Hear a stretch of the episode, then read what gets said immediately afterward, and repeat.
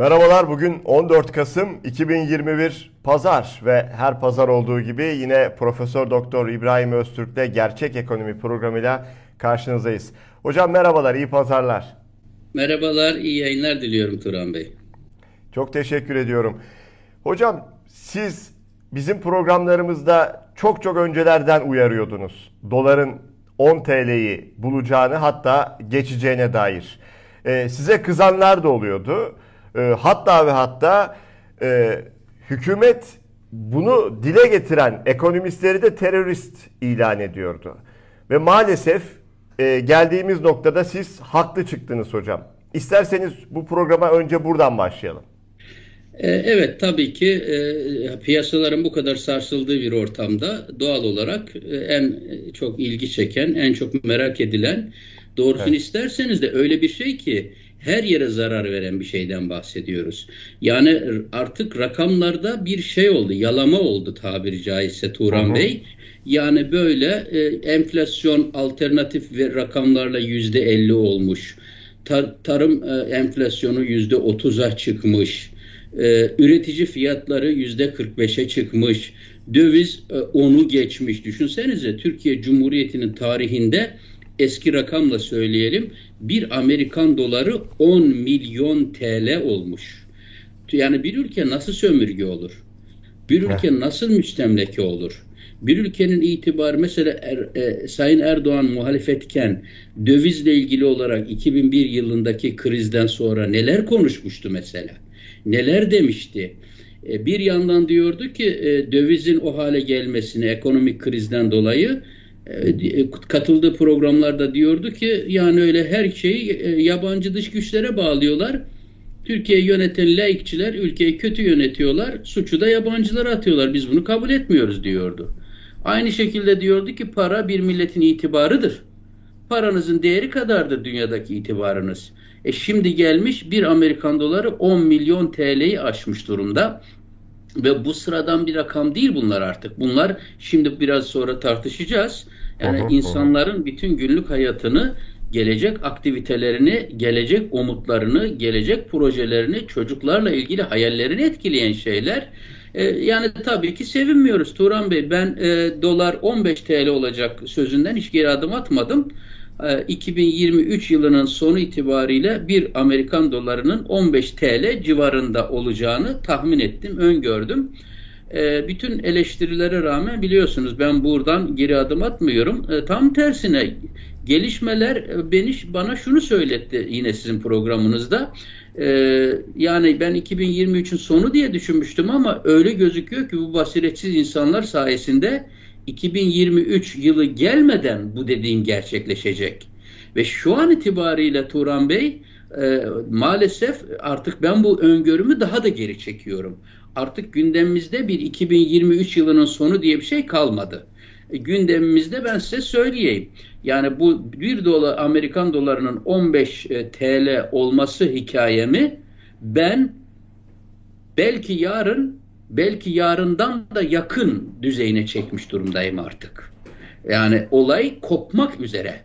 Ve bu artık e, önlenemez bir aşamaya gelmiş durumda. Her şey Erdoğan'ın önümüzdeki dönemde ülkeyi bir erken seçime götürüp götürmeyeceğiyle götürmezse seçimin yerine bir savaş ekonomisiyle seçimleri ebediyen ertelemek gibi vahim bir hataya sürüklenmesi. Çünkü bu artık bir daha seçimin olmayacağı anlamına geliyor ve içeride artık bir savaş, e, bir olağanüstü hal koşullarında insanların malına, mülküne çöküldüğü, savaş vergisinin konduğu, artık e, sorgulamanın artık hukuku zaten yok ama onlar artık daha da aleni hale geleceği anlamına gelir.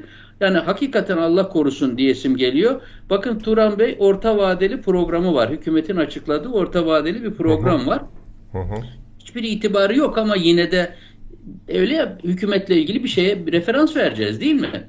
Bu hükümet böyle diyor, böyle plan yapıyor, böyle program yapıyor diye bir şey dememiz lazım. Aksi takdirde kime, neye referans vereceğiz? Şu düştüğümüz duruma bakar mısınız? Yani elimizde bir hükümet yok. Mesela Merkez Bankası şunu dedi diyebilecek durumumuz yok ki 7 defa enflasyon güncellemiş. Nesini ne diyeceğiz? Yani e, Merkez Bankı düşünsenize şöyle bir şey var artık önümüzde. Merkez Bankası'nın enflasyon tahminini biz muhtemelen 31 Aralık gecesi alalım. O gece tutturursa tutturacak artık. Çünkü sabaha değişiyor. Yani böyle bir Merkez Bankası olur mu? Hükümetin bir e, dolar kuru tahmini olabilir mi? E, e, hiçbir şey tutturamıyor. E, şimdi e, 2023 yılında 500 milyon dolarlık e, ihracat yapacağım demiş. E, hükümetin yandaşı müsiyat başkanı diyor ki biz inanıyoruz Türkiye 2023 yılında 250 milyon dolar ihracat yapabilecek kapasitede bir ülke. Allah cezanızı versin sizin ya. Siz ne arsız bir tipsiniz böyle. Ne arsız ekiplersiniz siz böyle. Ya hedef 500 milyon dolar konuluyor. Siz diyorsunuz ki biz 250 milyon dolar ihracat yapabilecek kapasitedeyiz. Takdirler, teşekkürler. Böyle operasyon bir millete yapılır mı? Bakın 2022 yılının sonu için hükümetin bize verdiği kur tahmini 9.27 TL. 2022'nin sonu. 2023'ün sonu için 9.77 vermişler. 2024'ün sonu için de 10.27 vermişler. Daha biz 2021'in son 3 ayındayız ve onu aşmış durumda. Ve ben size o zaman şöyle söyleyeyim. 2022 yılının ilk ayının tahminlerini söyleyeyim size. İki önemli konuda birisi kurdur. Kur 12 liradır. Bir Amerikan doları 12 lira civarında olur muhtemelen ve enflasyon maalesef faiz oranlarında emir komuta zinciri içerisinde düşürecekler ve onu da yüzde 12 bandına kadar şu anki mevcut yüzde 16 düzeyinden geri çekeceklerini e, düşüne, e, düşünüyorum ben. E, fakat şöyle bir şey söyleyelim. Bakın nasıl bir hükümetin elindeyiz? Ne tür adamlar tarafından geleceğimiz yönetildiğini çok çarpıcı bir örnekle söyleyeyim. Şimdi AK Parti e, doları 6.85 düzeyinde tutacaktı değil mi? Orada karar Hı. vermişti. Biz bu doları çıkartmak istemiyoruz. Ve bunu çıkartmak istemedikleri için de iki şey yapmaya başladılar biliyorsunuz. Bir, Türkiye'nin 128 milyar dolarlık rezervini kime kaç liradan sattıklarını bilmiyoruz eritmeye başladılar. Sırf Erdoğan'ın e, karprisleri yerine gelsin diye. İki, e, Merkez Bankası Başkanı'nı değiştirdiler ve faiz oranlarını politika faiz oranlarını yüzde yedi bandından yüzde yirmi bandına kadar aşağı yukarı yuvarlayarak söylüyorum rakamları yüzde yirmi bandına kadar yükselttiler. 6.85 civarındaydı. Ben o ortamda bunların hiçbir işe yaramayacağını ve çıkacağını söylüyordum. Ve o bakın yüz bakın çok ilginç. O gün biz bu kuru kontrol etmek için milletin parasını sattık 128 milyarını diyenler bugün diyorlar ki yok biz e, bugün doların çıkmasına izin veriyoruz ki ihracatımız artsın diye. Peki o zaman o gün verseydiniz izin Türk milletinin 128 milyarını satmasaydınız bu kadar zarar vermeseydiniz bu millete o zaman izin verseydiniz bugünkü yerlerine o zaman çıksaydı Madem faydalı oluyordu o zaman ihracatınızı artırmış olsaydınız. Bakınız aynı hükümet aynı konuda birbiriyle bu kadar taban tabana zıt yorumlar yapıyor. İşin komiği şu artık 128 milyar dolarda yok ama o döviz de onun üzerine gitmiş çıkmış ve gideceği yer de daha belli değil. Dolayısıyla e, maalesef şöyle bir şey gerçekle karşı karşıyayız. E, tek adam rejimine geçişimiz 3 seneyi buldu değil mi? Bakınız evet, 2018 Haziran'ında Erdoğan tek adam e, seçildiğinde, diktatörlüğünü ilan ettiğinde dolar 4.59'du. Bugün onu aştı. %117'lik artış. Bakınız Erdoğan seçildiği gün tek çok basit. Tek adam rejiminin kaçırılmaz sonucu krizdir, kaostur ve diktatörlüktür. E, tezine inanan, bizi de dinleyen insanlar biliyorsunuz biz o günlerden beri ben 3 liradan beri lütfen herkes döviz alsın diyorum. 3 lira olduğundan beri. Bize itibar edip de burada sebat eden, paniklemeyen, bu e, e, dalgalanmadan dolayı paniklemeyip dövizde kalan insanlar düşünsenize son 3 senedeki kazancı %117 olacaktı. Hangi alanda böyle bir kazanç var? E, tabii burada kazananlar var ve bir de kaybedenler var. Bir de onu sorgulamak lazım. Ama e, e, dolayısıyla bu düşük faiz e, ol, olgusunun yarattığı sonuçları birlikte konuşuyoruz. Hocam elbette bu tabloda kazananlar kaybedenler var. Kaybedenlerin kim olduğu belli. Halk kaybediyor, kaybetmeye devam ediyor. Peki bu düşük faiz politikasından kimler kazanç sağlıyor? Şimdi bakın Turan Bey elimizde e, politbüro baskısıyla, siyasi baskılarla rakamlar şöyle bir rakamlar var. Yani Merkez Bankası'na bugün tasarrufunu yatıran, hala TL cinsinden tasarruf yapan e, ve e, bankalara parasını yatıran vatandaşlara önerilen mevduat faizi aşağı yukarı %15-16 bandında. Kendiliğinden farklı e, faizler önerebilen, zor durumda olan, mevduat toplamak zorunda olan bir takım bankalar farklı davranabilirler ama %15-16. Merkez Bankası'nın mevduat faizi ise şu an %16 daha da düşürülecek. Ticari krediler var. E, bunların kredi faizleri %17-18 civarında. Bakınız e, vatandaşın mevduatına verilen faiz 15 iken e, ticari kredi al, almaya kalkanlara %17-18 faizinden kredi veriliyor. Kamu bankaları ise biraz daha siyasi baskı altına alındığı için %15-16 bandından e, kredi veriyor. Ve bu e, zorla e, enflasyon %20, %20'lik enflasyon e, bir de şöyle bakalım lütfen. %5'lik enflasyon hedefini e, veri alalım. Sapma ne kadar? Enflasyondaki sapma %286'lık bir sapmadan bahsediyoruz. Şimdi faizlerdeki durumda bu böyle. Şimdi böyle bir ortamda kim Türk lirası cinsinden tasarruf eder? E, tabii ki etmez. Ne yapılacak o zaman? İnsanlar eline getiren parayı ne yapacaklar? Ya hızla e, tüketime yansıtacaklar yahut da hızla dövize geçecekler. Hükümet kendi eliyle döviz e, talebi yaratıyor. Dövize kaçışı körüklüyor ve sonunda nihayet işte gördüğümüz gibi dolar onu aşıyor bu yanlış politikalar nedeniyle.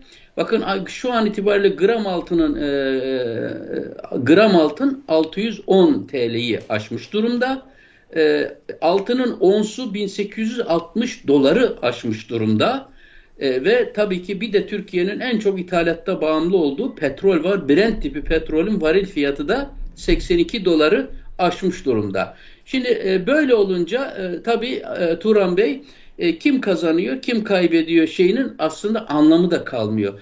Ben Doğru. şurada şöyle bir analiz yapmak istiyorum. Yani bu rakamlar e, sanki böyle hikaye anlatır gibi, kaftanın arkasındaki bir fıkrayı, masalı anlatır gibi. Halbuki e, enflasyon çıkıyor, borç artıyor, servetler bir yerden alınıp başka yerlere transfer ediliyor, döviz çıkıyor, enflasyon az önce dediğimiz gibi yüzde 280'ler oranında sapıyor ama son tahlilde Turan Bey bu verileri muhatap olan insanlar doğru mu? Yani şu, dövizdeki yüzde onluk bir artış insanların sofrasındaki gıdaları, insanların kiralarını, insanların temel ihtiyaçlarını anında artırıyor. Enflasyon dediğimiz rakam otomatikman insanların sofrasındaki maliyet e, e, şofbenlerindeki, kombilerindeki, doğalgazlarındaki artışı ifade ediyor. Dolayısıyla bir kere biz şunu şöyle bir mankurtlaşma yaşanıyor. Korkunç bir materyalizm yaşanıyor. Rakamlar uçuyor, uçuyor, uçuyor da sonunda bunlar gelip fakir fukaranın evine düşüyor. İnsan bakın e, e, Türk Tabipler Birliği'nin bir rakamına göre e, Türkiye'den son birkaç senede 9 bin hekim Türkiye'yi terk etti. Bir 9 bin civarındaki hekim şu an kurslara gidiyor. Bir an önce biraz Almanca, İngilizcelerini geliştirip ilk fırsatta Türkiye'yi terk etmek için. Türkiye'de hangi doktorların eline kalacağız? Hangi kabiliyet ve kapasitedeki hekimlerin eline halkımız olacak ve hangi takvimde, tarihte randevu alabilecekler? Büyük büyük binaları olan hastanelerin içerisinde hekimli kalmıyor. Bakın o yüzdendir ki bu korkuyladır ki bir e, kanun hükmünde kararname ile ihraç edilen öğretmenin e, bir çocukları okul servisi yapmak için şoförlüğü elinden alınıyor. Öl sen diyor. Şoförlük bile yapma diyorlar. Ama hekimlere şu durumdan dolayı sen doktorluk yapabilirsin diyorlar. Aynı ülkenin vatandaşı. Yani ikisine de bu hak verilmesi gerekirken e, hekimlere diyor ki sen ihraç edilmiş olabilirsin. Kanun hükmünde kararnameye muhatap olabilirsin. Sen çalış. Çünkü bizim hastanelerimizden rey kaybediyoruz biz. Ama öğretmensen sen öl deniliyor orada. Öğretmenler inşaatlarda ölüyorlar şu an. Dolayısıyla bu rakamlara bu gözle bakmak lazım. Yani e, Pandemide günde 200 kişi ölüyor. Sınır ötesi operasyonlarda çocuklarımız ölüyor. İş kazalarında her sene 2000 kişi ölüyor. İstanbul Sözleşmesi ile birlikte sanki bunu bekliyorlardı. Kadın cinayetleri almış başını gidiyor ve biz hapishanelerde, işkencelerde insanlar ölüyor ve biz bunlara küçük rakamlar gibi bakıp gidiyoruz. Bize ölümü ne kadar normalleştirdiler? Bize fakirleşmeyi ne kadar normalleştirdiler? Bize el açıp dilenmeyi ne kadar normalleştirdiler? Kendi vergi verdiğimiz, askerlik yaptığımız devletten temel haklarımızı istemeyi, temel hizmetleri almayı ne kadar lüks hale getirdiler. E, ne kadar minnet altına girer duruma düştük. Bir takım şeyler feci halde ya, yanlış gidiyor ve e, çanlar halkın büyük kitlesi için bakın şu an Türkiye'de Turan Bey şöyle bir tehlike de yaratıldı. Onu da şimdi aklıma geldi unutmadan söyleyeyim. Bu hükümet e, çeşitli kesimlere aktardığı e, rantlarla yüzde yirmilik bir kesime ne olmuş ki her şey yolunda gidiyor dedirtmeye devam ediyor hala. E, tabii sen e, makarna, kömür, yoksulluk, yaşlılık bilmem ne bin kanaldan yardım alırsan senin için ekonomi kötüye gitmiyor olabilir. E, böyle bir yüzde yirmilik bağımlılık bir kesim oluşturdu. Bir de Erdoğan kendi suç ekonomisine zorla 3-4 milyonluk bir kesimi soktu Turan Bey. Bürokratiyle, iş adamıyla, e, sıradan vatandaşıyla, vakıflarla, derneklerle, iş adamları teşkilatlarıyla e, bu rant ve suç ekonomisinin içine milyonlarca insanı kattı. Bu milyonlarca insan Erdoğan'dan sonra yargılanıp hesap verme korkusuyla ölümüne şu an iktidar için çırpınıyorlar. Ee, ama bütün bunlar ne anlama geliyor? Ee, büyük kütle için 85 milyonluk insan için geli karanlık bir geleceğe doğru yüründüğüne işaret ediyor. Hocam e, ister istemez e, duymayan bir kitle elbette olabilir. Kulağının üstüne yatan bir kitle de olabilir veya konforun bozulmasın diyen e, bir şekilde rant sağlayan kitlede olabilir. Ama ne olursa olsun sizin şu ortaya koyduğunuz tablo ile birlikte büyük bir eziyet çeken geniş bir kitle var. Ve e, artık bazı şeyleri iktidar partisi gizleyemiyor. Bir yandan halk da sesini yükseltiyor. Diğer yandan e, sahipleri de konuşmaya başladılar öyle değil mi? Bu hükümetin e, yani gıptayla e, söylüyorum yani e, acı çekiyorum ama bir yandan da hani e, eleştiri hiciv dolu bir gıptadan bahsediyorum. Yani e, tecvidli Kur'an'la e, bayrak bezini büyüterek, bayrak direklerini büyüterek, minarelerin sayısını artırarak bir milletten sonsuz bir kredi aldılar. Şimdi Çanakkale Köprüsü'nü açıyor değil mi? Çanakkale Köprü ve buradan da daha açmıyor. Köprünün bir kısmında sırf e, kutlama yapmak için, sırf görüntü vermek için affedersiniz şehirde tuvalet açılsa Erdoğan açma e, baskısı altına girmiş durumda. E, böyle e, sırf göz bayamak, dikkatleri kaçırmak için halkımız bu tüneller için, bu yollar için ne diyorlar diyordu? Çalıyor ama çalışıyor. Bakın şimdi artık halk da gördü ki hayır Çalışmıyorlar, çalıyorlar. Şimdi o Çanakkale Köprüsü diye açtığı köprü 10 yıllar boyunca Anadolu'nun ücra köşelerinde o köprüden geçmeyen insanlar o köprü için hazineden para ödeyecek. Hem de döviz üzerinden ödeyecek. Onun için e, dolar artarken e, bir kenarda kıs kıs gülen, keyif çatan Erdoğan'ın beşli çetesi oluyor. Çünkü geçe hani tam deli dumrul projesi.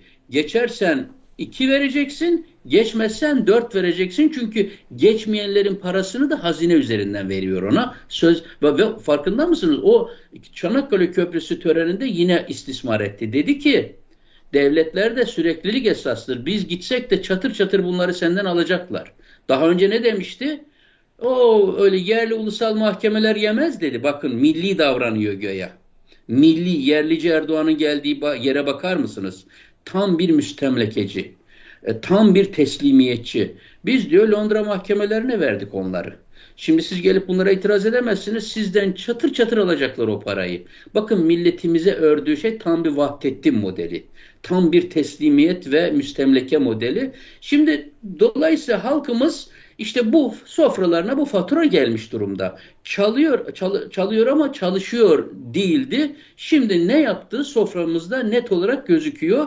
Bu bir kazanım. Bu bir kazanım çünkü halkımızı anlatamıyoruz. Halkımıza derdimizi anlatamıyoruz. Ee, Erdoğan bu halka makarna, kömür, ekmek vermeye devam edebilse ve geri kalan nüfusun yarısını fırınlara doktorup Hitler gibi yaksa Türk milleti dönüp diyecek ki e onların da bir şeysi var demek ki. Bak beni yakmıyor. Durup dururken yakmıyormuş demek ki. Yani gerçekten e, milletimizle ilgili içim kan ağlıyor. Milletimizin adalet duygusuyla, insancılığıyla, empatisiyle, geleceği bakmasıyla, geçmişi hatırlayamama durumuyla ilgili çok içim kan ağlıyor ama bir yandan da şu an rahatım çünkü artık ne demişsek tabiri caizse bütün tespitlerimiz bugün evet. yığılmış sofrasının üzerine çökmüş durumda. O yüzden hani hatırlar mısınız böyle Ruslar Berlin'e doğru ilerlerken e, Hitler'in propaganda bakanı Moskova'ya girdik diye propaganda yapıyordu. Almanların çoğusu gerçek haberi alamadığı için Alman ordusunun Moskova'yı ele geçirmek üzere olduğunu zannediyordu. Ta ki Berlin düşüp de e, e, Rus tankları Berlin sokaklarında e, gezmeye, Rus e, bayraklarını dalgalandırmaya e, başladıkları ana kadar böyle zannediyorlardı. Şu an Türk milletinin aklı açıldı tabi. Mal çünkü artık sofrasına düştü. Diktatörlüğün sonu olan deli dumrul zamları, enflasyon ve korkunç vergiler üst üste halkın önüne gelmiş ve yığılmış. Devamı da deva es, da, rampaya girdik Turan Bey. Bunun altını çizeyim. Hı hı. Biz herhangi bir şeyin sonuna gelmedik. Tırmanma şeridinin başındayız. Dövizde tırmanma şeridinin başındayız. Enflasyon, hiper enflasyon kategorisinde döviz, e, tırmanma şeridinin başındayız. E, fukaralıkta tırmanma şeridinin başındayız. Dolayısıyla Türk halkı hiçbir şey yaşamış değil. Daha yaşayacak. Bir şey daha diyeyim. Erdoğan kalsa da yaşayacak, gitse de yaşayacak. Erdoğan bu kadar büyük zarar verdi. Ama kalırsa başka bir boyut olacak. Giderse gelen muhalefet bir umut olacak. Erdoğan'ın politikalarından dönecek. Gerekli reformları yapacak. Kurumları hayata geçirecek. Türkiye'nin dünyaya kaçırtılmış beyin gücünü geri çağıracak. Yeni bir anayasa yapacak. Dünya ile savaşmak yerine ortak akıl üretecek ve Türkiye ile ilgili bir beklentiler olumlu mecraya kayacağı için Türkiye'de yapılması gerekenlerin faturası daha düşük olacak.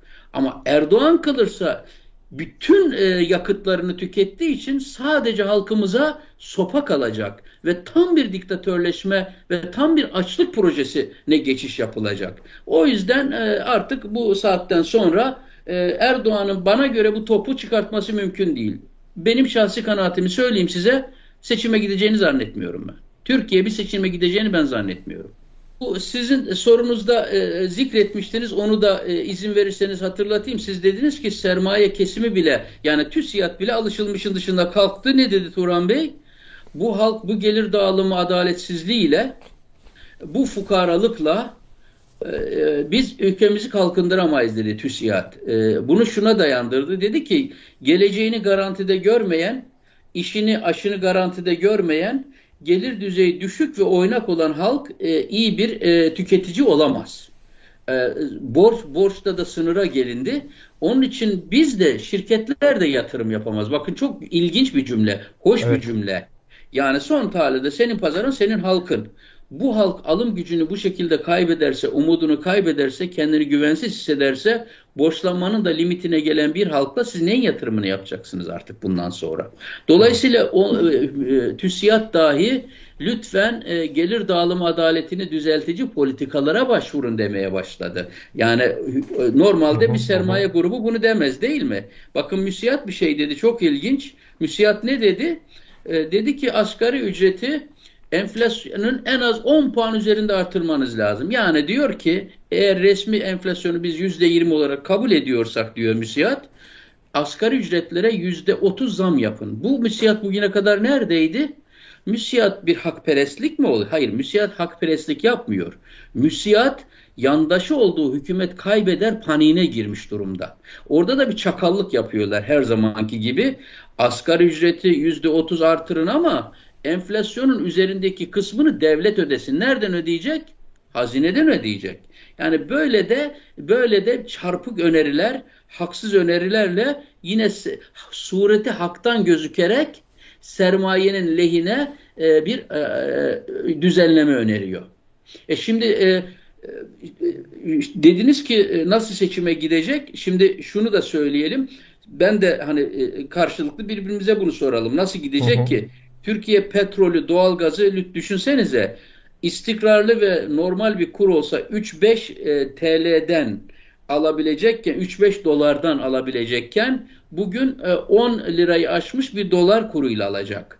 Türkiye bu faturayı kim ödeyecek? Halkımız ödeyecek. Keza e, daha birkaç sene öncesine kadar e, Çin'den daha üstünde bir asgari ücreti olan bir Türkiye'den bahsediyorduk.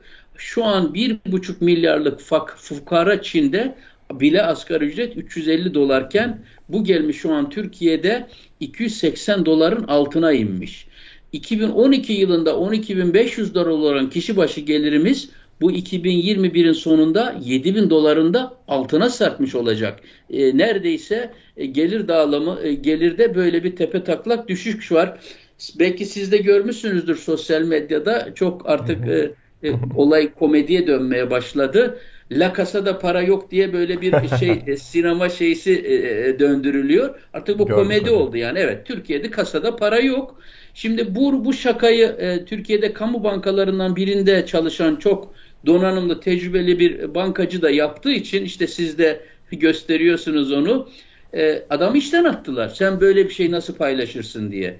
Halbuki adam doğru. Mesela Halk Bankası Turan Bey 2000 iki, e, geçen sene 2020 yılında Halk Bankası 2,5 milyar lira kar açıklamıştı. Bu sene 2021 yılının ilk 9 ayında daha henüz vergi ödenmemiş durumda iken 19.4 milyon lira zarar açıkladı.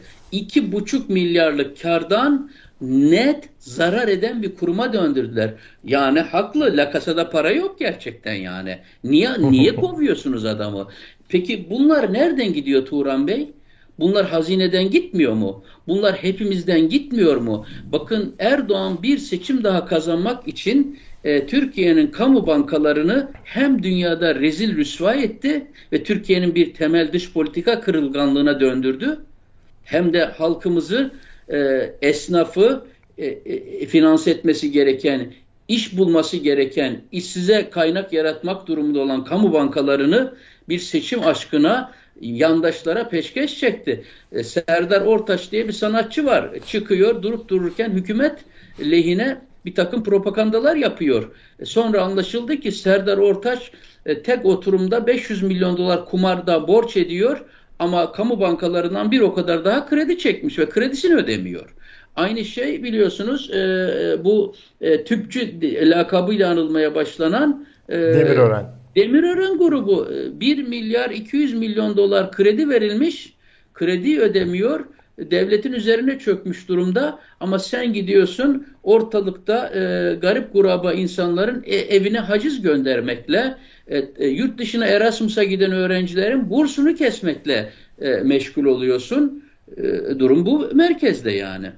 İç siyasette e, bunlar yaşanıyor ama Türkiye dışarıda da e, gördüğümüz kadarıyla hem çok yalnız e, hem de e, gitgide dünyadan da kopuk bir ülke haline geliyor öyle değil mi? Yani tabiri caizse Türkiye evde tek başına artık. Yani açıkçası çok e, kaçacak edecek sermaye de kalmadı. Türkiye büyük oranda terk edildi. Kalanlar da hızla Türkiye'den ayrılıyor. Fakat ben e, en kritik şey kısmından başlamak istiyorum. E, şimdi biliyorsunuz Erdoğan G20 zirvesi için İtalya'ya gitti. Orada Biden'la iki fotoğraf çektirebilir miyim diye ayaküstü. Ancak o kadarına muktedir olabildi. O fotoğrafları çektirdi. Ama o toplantıdan daha önemlisi Glasgow'da e, e, iklim zirvesi için yani yarınlar şu an şekillendiriliyor Turan Bey. Şu an insanlığın geleceğinin şekillendirildiği çok önemli toplantılar oluyor ve Erdoğan o toplantıya gitmedi. O toplantıya gitme işini nasıl açıkladı? Efendime söyleyeyim ülkemizin itibarına saygı duyulmadı. Biz istediğimiz kadar korumayı, güvenlik görevlisini oraya götürmedik. Madem öyle oldu biz ayrılırız. Hayır. Biz tanıdığımız Erdoğan'ı biliyoruz. Erdoğan fotoğraf çektirebileceği her yere gidiyor. E, e, lehine olacağı için. E, Glasgow'a niye gitmedi? Aşırı ilaç yükleyerek bir iki gün ayakta tutabiliyorlar sonra çöküyor ve orada da e, o hale geldiği için apar topar aldı Türkiye'ye kaçırdılar. Türkiye'yi hem ahlaken bitmiş olan hem yaşayan bir ölüye dönmüş olan, canlı cenazeye dönmüş olan bir adam yönetiyor ve dünyanın en önemli zirvelerinden birisine Erdoğan Türkiye'yi sahipsiz bıraktı. Ve ne oldu? O aslında onu da bir avantaj olarak söylemek lazım. Ee, İstanbul Büyükşehir Belediye Başkanı evet. Ekrem İmamoğlu'nu bu zirveye çağırdılar ve şu an Türkiye'yi temsil ediyor orada. İyi mi İstanbul Belediye Başkanı olarak? Tabii bu anlamda ben Sayın İmamoğlu'na çok teşekkür ediyorum. Ee, umarım e, düşünsenize Türkiye adına bir şekilde İstanbul Büyükşehir Belediyesi olarak İmamoğlu taahhütlerde bulunuyor e, Türk bunun ne kadar önemli olduğunu anlamaya ve farkında olduğunu göstermeye çalışıyor. Umarız bir gün Türkiye Erdoğan'dan da kurtulur da bu dünya iklim zirvesinde konulmuş olan insanlığın önemli hedeflerine Türkiye'de uyabilir hale e, gelir diye düşünüyorum ama ikinci bir şey daha var. E, Reuters e, bir haber yaptı geçen hafta Turan Bey. Son 7 haftada Türkiye'den tam 6.2 milyar dolarlık bir sermaye çıkışı daha yaşandı. E, bu e, öyle bir hazin bir aşamaya geldi ki bakın Koç grubunun Unicredit ile ortaklığı var biliyorsunuz. Yıllar önce Türkiye'ye gelmişlerdi. Yap, yapı kredide hisse almışlardı. E, Şubat 2020'de %12'lik hissesi e, yapı kredinin 460 milyon euro ediyordu. E, şimdi çıktılar. Hisselerini ucuza satarak çıktılar. %18'lik bir hisseyi 300 milyon avroya satarak çıktılar. Yani geçen seneye nazaran aşağı yukarı %60'a yakın bir zarar ederek Türkiye'den ayrıldılar ve siz de grafiği ekrana verdiniz. Bakın e, Türkiye'deki e, bu Türkiye borsasının hallerini gösteriyor. Hani evde tek başına kalmak ne demektir onu örneklemeye çalışıyorum. Bakınız dünyada 50 büyük borsa arasında en ucuz borsa şu an Türkiye borsası son 5 yılda dolar bazında dünyadaki borsalar %90 oranında getiri sağladılar. Gelişmekte olan ülkeler ki bu grafiğimizde sarı çizgiyle gösteriliyor. %45 oranında gelir getirdiler ve Türkiye ise orada en alttaki kırmızı çizgi bakın Türkiye maalesef son 5 senede %43 oranında değer kaybetti. Dünyadaki en kötü performans gösteren adeta kumarhane konumuna düşen bir e, konuma itildi. Bu anlamda şunu söyleyelim. Yıl biterken borsada bir keriz silkeleme operasyonu başlıyor gözüküyor. Türk borsası çok e, ucuz. Yabancılar geliyor, acayip alacaklar ve e, Türk borsası uçuşa geçiyor diye propaganda yapıyorlar. Uyarıyorum herkesi. Kesinlikle doğru değil bu. Şu an Türkiye borsasına yabancı mabancı gelmez. Ama adı üstünde keriz e, silkeleme operasyonudur bu. Spekülasyondur bu. Kaçarken e, o kağıtları duvar kağıdı olmak üzere kime çakarız arayışıdır bu. Halkımız dikkat etsin. Şu an borsa morsa zamanı değildir. Şu an Türkiye'de alınacak şey bellidir. Az önce vardık. Gram altındır e, ve döviz e, dövizdir. Döviz cinsinden de e, az sonra tartışacağımız gibi dünyada kusursuz bir fırtına geliyor bu kısırsız fırtına gelirken tabii ki alınacak yabancı para elbette döviz kuru olacak. Şey do, dolar kuru dolar olacaktır. Hocam orayı açar mısınız? Ee, dünyada kusursuz fırtına derken ne geliyor? Şimdi Turan Bey şöyle, bu pandemi ortamında herkes kendi derdine düştü. Onun için hı hı. E, e, bir e, ülkenin iç sorunları çok fazla dışarıdan görünür olmadı. E, ama şimdi ülkelerin iç sorunlarının çok daha görünür olacağı bir aşamaya geçiyoruz. Yani Amerika e, pandemi ortamında çok para bastı, likiditeyi artırdı, dünyaya e, oluk oluk döviz e, çıktı. Şimdi Amerika'da enflasyon oranının kalıcı olarak %5'i aştığı görülüyor. Avrupa'da %3'ü aştığı gözüküyor. Almanya'da %4,5'a doğru gidiyor. Çin'de %5'i aşmış durumda. Dünyada vahim bir enflasyon dalgası geliyor. Dolayısıyla Amerika eli kulağında mecburen artık e, varlık alımlarını durdurarak yani dövizi artık toplamaya geri çekmeye başlıyor. Dünyada döviz talebi artmaya başlıyor. Devamında da faiz oranları muhakkak surette Amerika'da ve Avrupa'da birçok temel ülkede artacak. Böyle olunca likidite dünyadan toplanacak ve ait olduğu coğrafyaya Amerika'ya o başta Amerika olmak üzere Avrupa'ya dönecek.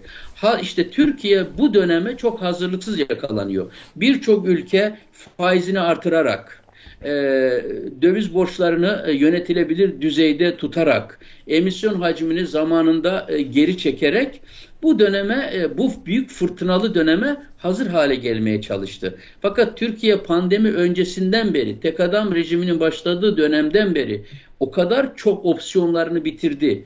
O kadar çok yanlış yönetti ki artık şu an toparlayacak tersine geriye e, yanlış politikaları düzeltecek marjı kalmadı. Enflasyonu herkesin yüzde e, beşlerde olduğu halde diyelim faiz artırıyor. Türkiye hı hı. enflasyonu yüzde elli iken faiz düşürüyor. Akla ziyan bir durum mesela. Çünkü Türkiye artık e, ne yaptığını bilmiyor. Türkiye bir karanlık bir fırtınalı dağ dağlı bir gecede okyanusta kılavuzsuz ve kaptansız sürüklenen bir gemi gibi gidiyor adeta. E, nereye gittiği, hangi kayalıklara gittiği belli olmayan, sorumlusunun kim olduğu belli olmayan, kaptanın da bir gece karanlığında gemiyi adeta terk ederek kayalıklara doğru terk ettiği bir görüntüyle karşı karşıyayız. Onun için bu Amerika'daki paranın geri çekilmesi süreci ve faiz artırımı süreci Türkiye'nin önümüzdeki dönemde e, döviz ile ilgili cephede ve enflasyonist cephedeki yaşamakta olduğu tahribatın e, hızlanarak, katlanarak artacağını gösteriyor maalesef. O bağlamda döviz girişi de olmadığı için Türkiye'nin e, yüksek döviz ödeme, döviz cinsi borç ödeme kapasitesinin sorgulanacağı, belki borç ödeyemiyor bir e, e tabiri caizse bir e, e, iflasa, mecburi iflasa doğru sürükleniyor yönünde haberler çıkmaya başlayacak. Bu öyle bir şuyu vukuundan beter haber ki e, ülkeleri tümüyle e, riskli ülkeler arasında tek başına bırakır. Zaten elinizde o e, grafiği varsa onu da paylaşalım hı hı, isterseniz hı. E, Turan Bey. Bakınız şu an itibariyle Türkiye muteber kuruluşlar tarafından yapılan e, çalışmalara göre dünyada en kırılgan ülkeler arasında yer alıyor. Bu çok kötü bir şey. Türkiye hiçbir zaman en kırılgan ülkelerin arasından çıkamadı. Nedir kriterlerimiz? Kriterlerimiz şunlardır Turan Bey. Bak para milli parasının zayıflaması kriterine göre, cari açığındaki artış eğilimine göre, sermayenin ülkeden kaçması riskine göre, düşük döviz rezervlerine göre ve artan dış borçlarına göre değerlendirildiğinde kaldı ki buraya tabii ki enflasyonu da koymak lazım.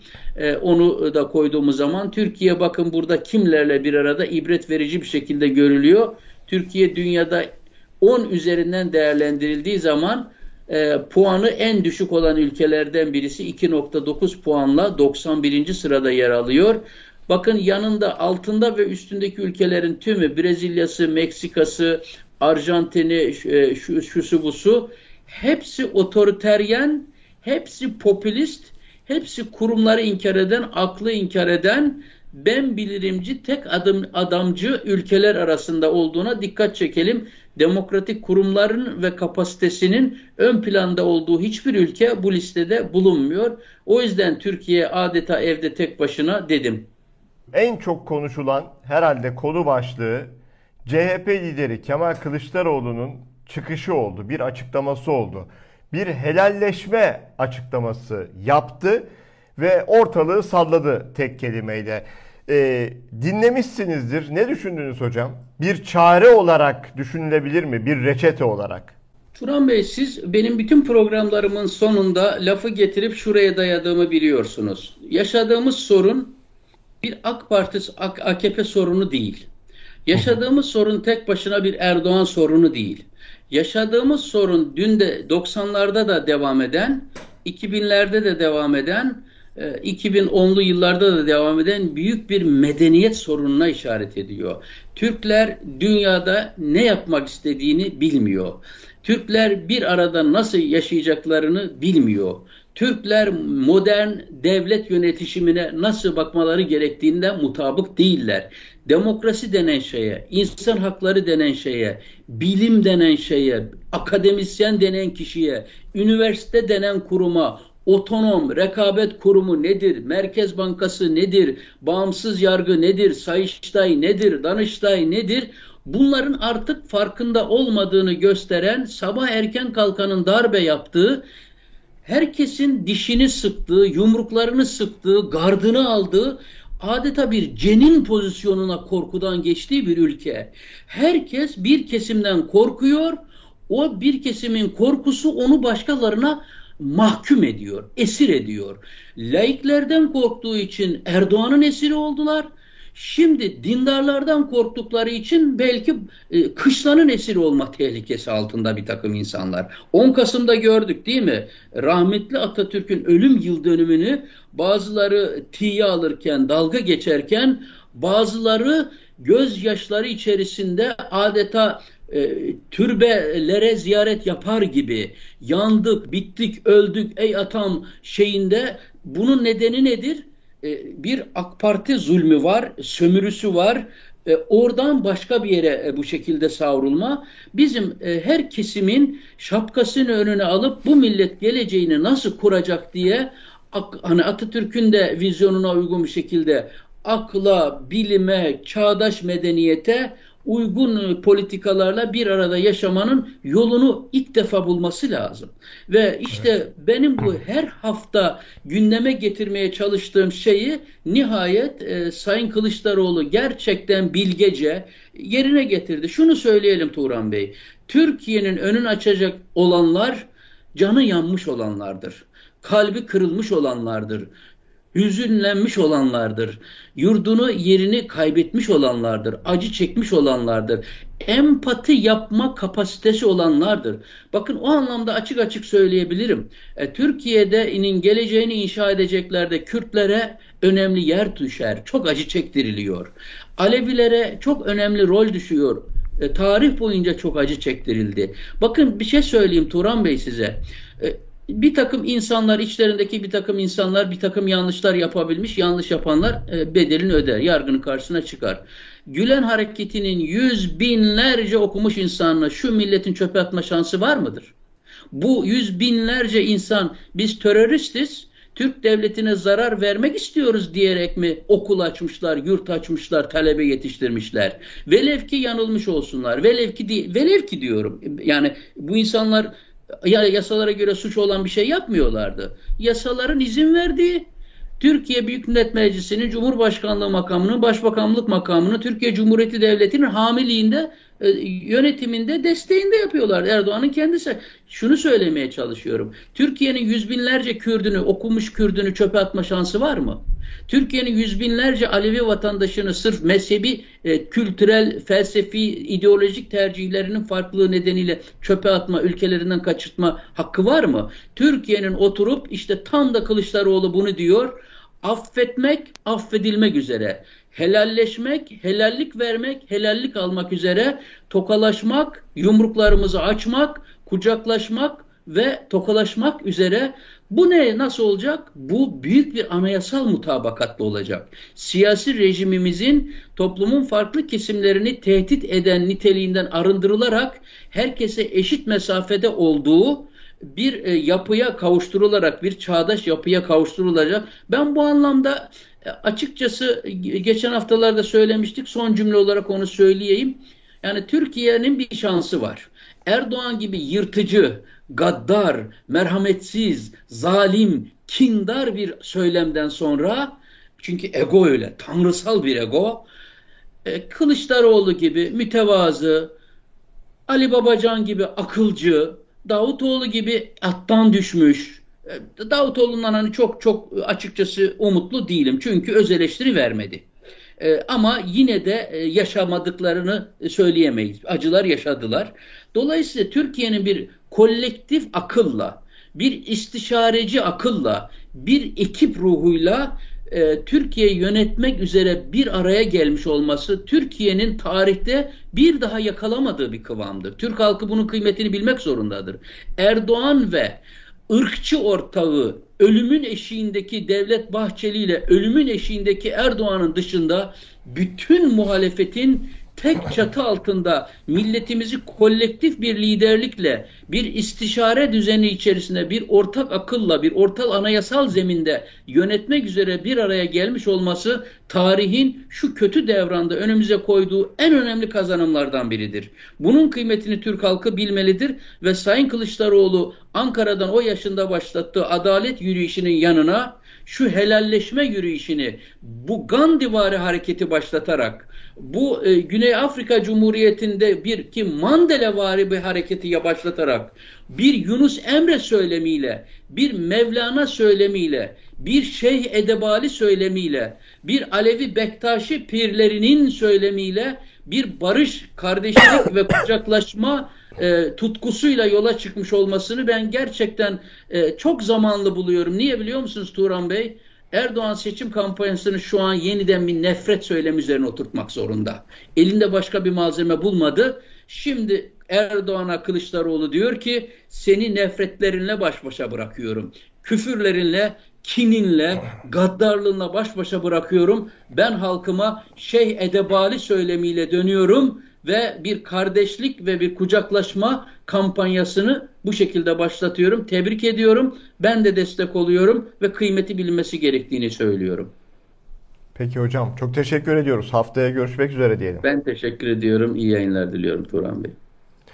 Evet haftaya bir başka gerçek ekonomi programında yine Profesör Doktor İbrahim Öztürk'le karşınızda olmak ümidiyle. Hoşçakalın.